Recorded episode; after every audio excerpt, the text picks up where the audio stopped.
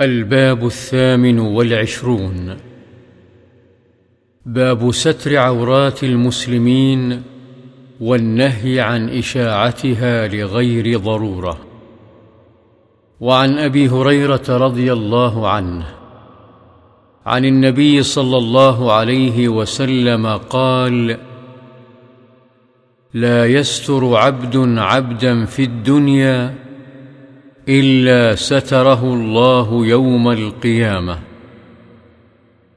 وعنه رضي الله عنه قال سمعت رسول الله صلى الله عليه وسلم يقول كل أمتي معافى إلا المجاهرين.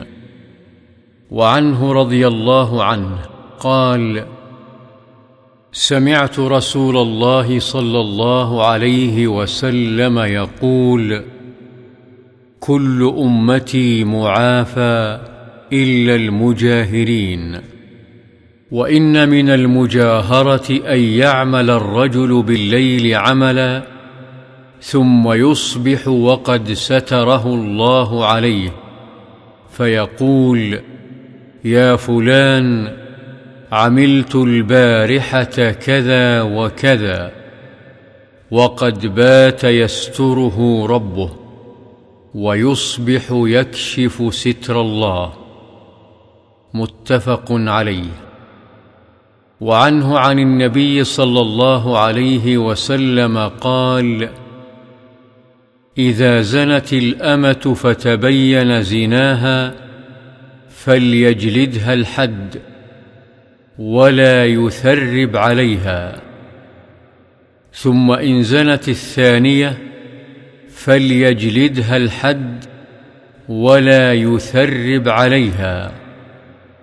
ثم إن زنت الثالثة فليبعها ولو بحبل من شعر.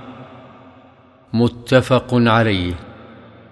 التثريب التوبيخ. وعنه رضي الله عنه قال اتي النبي صلى الله عليه وسلم برجل قد شرب خمرا. قال اضربوه. قال أبو هريرة فمنا الضارب بيده والضارب بنعله والضارب بثوبه. فلما انصرف قال بعض القوم أخزاك الله. قال لا تقولوا هكذا. لا تعينوا عليه الشيطان. رواه البخاري.